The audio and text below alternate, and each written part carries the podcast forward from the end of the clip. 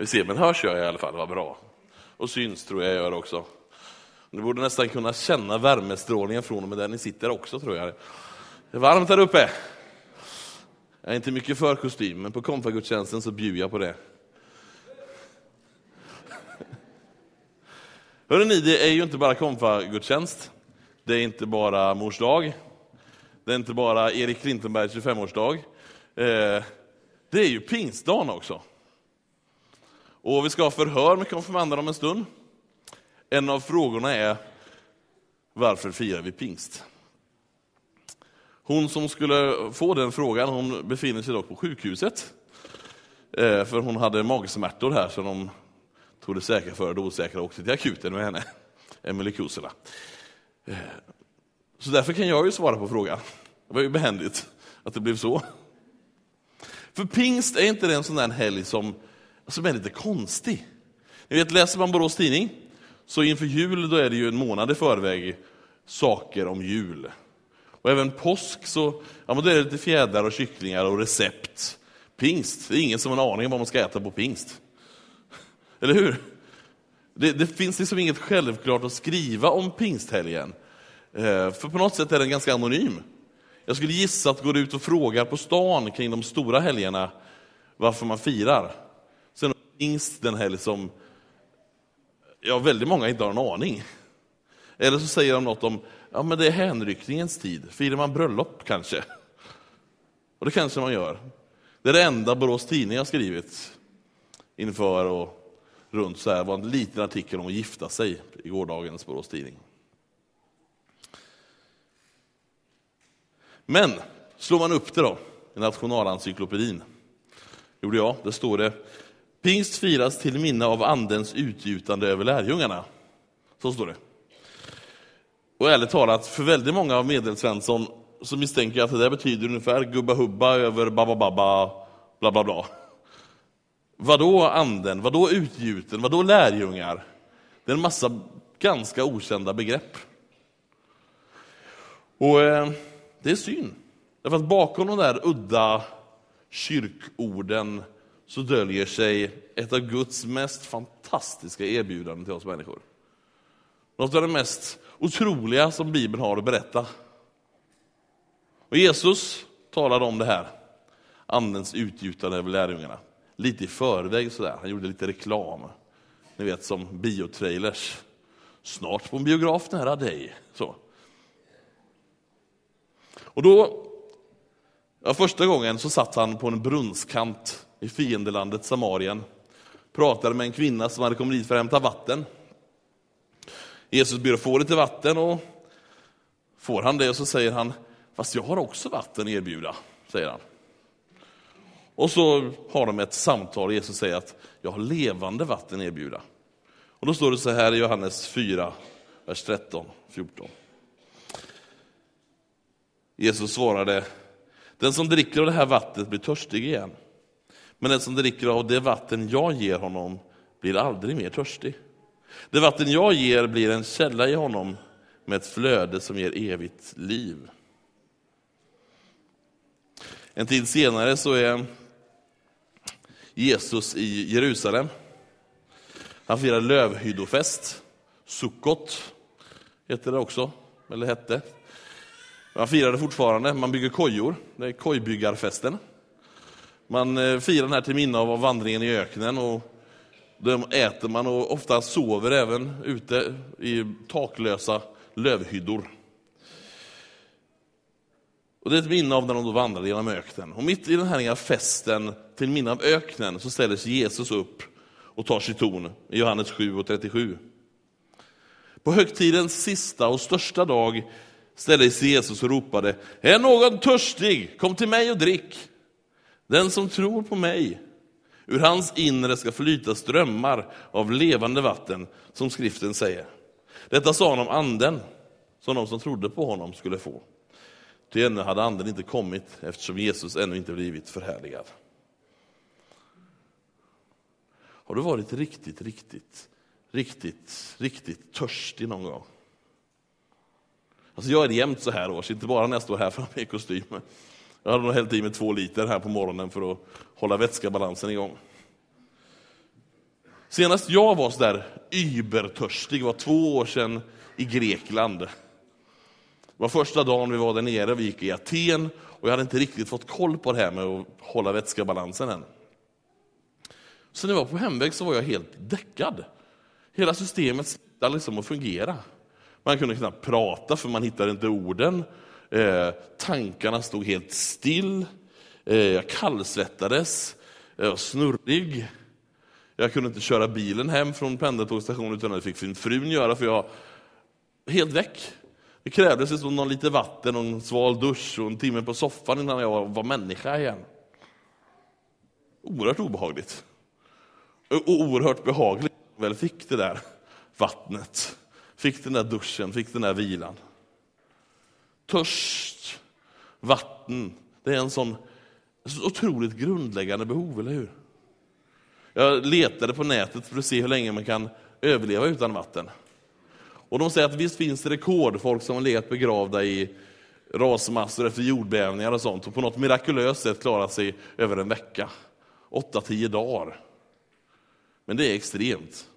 Normalt sett så är det slut på oss någonstans på fjärde dagen. Tre dagar kan vi klara, kanske, utan vätska beroende på vår liksom, grundhälsa och så.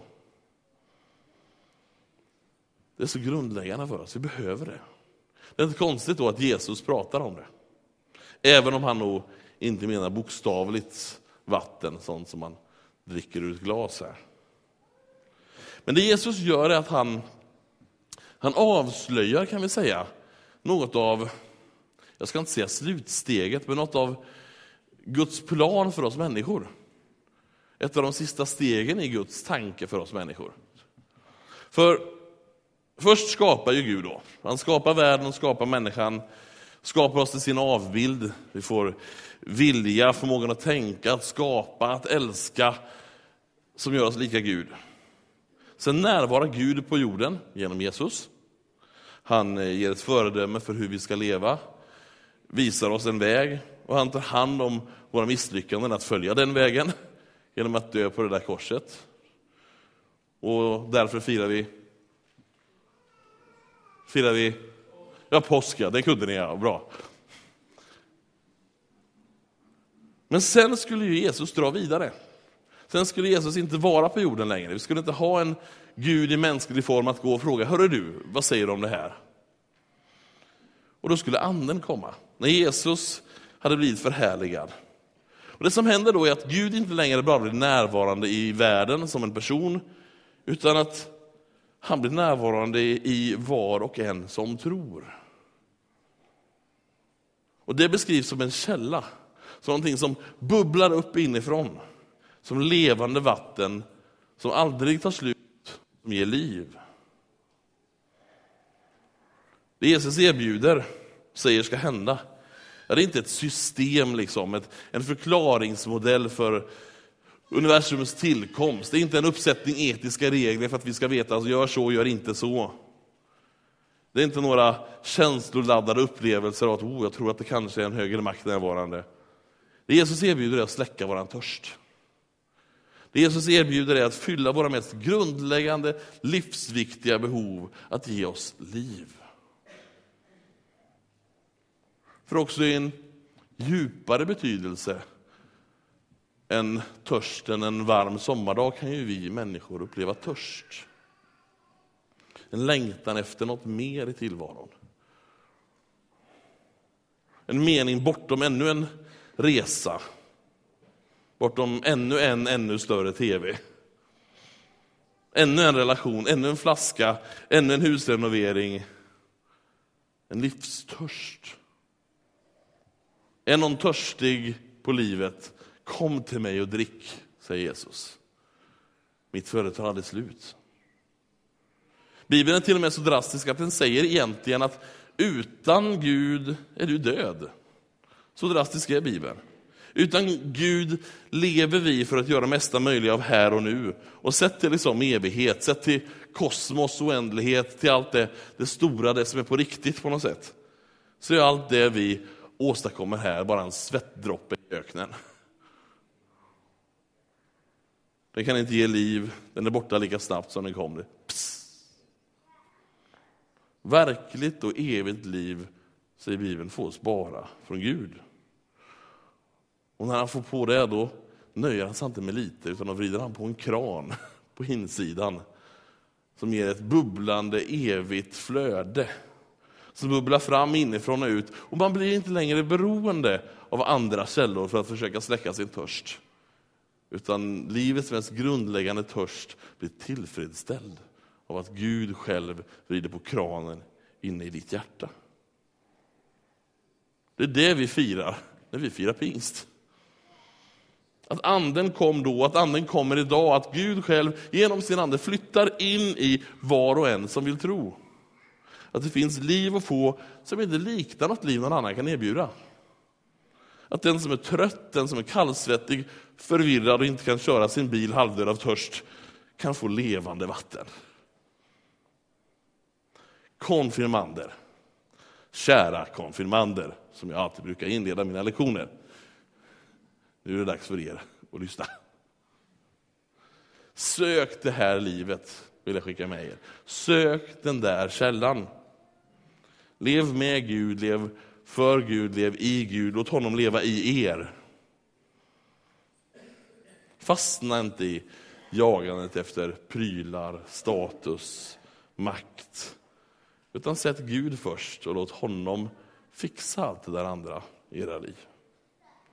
Ni vet mer om Gud än för ett år sedan. Ni känner Gud bättre än för ett år sedan.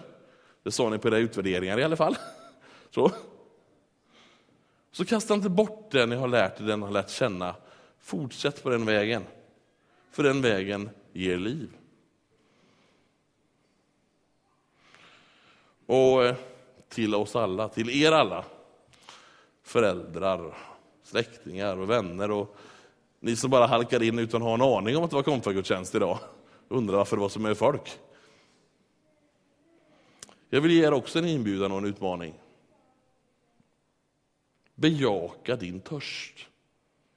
Kom till källan.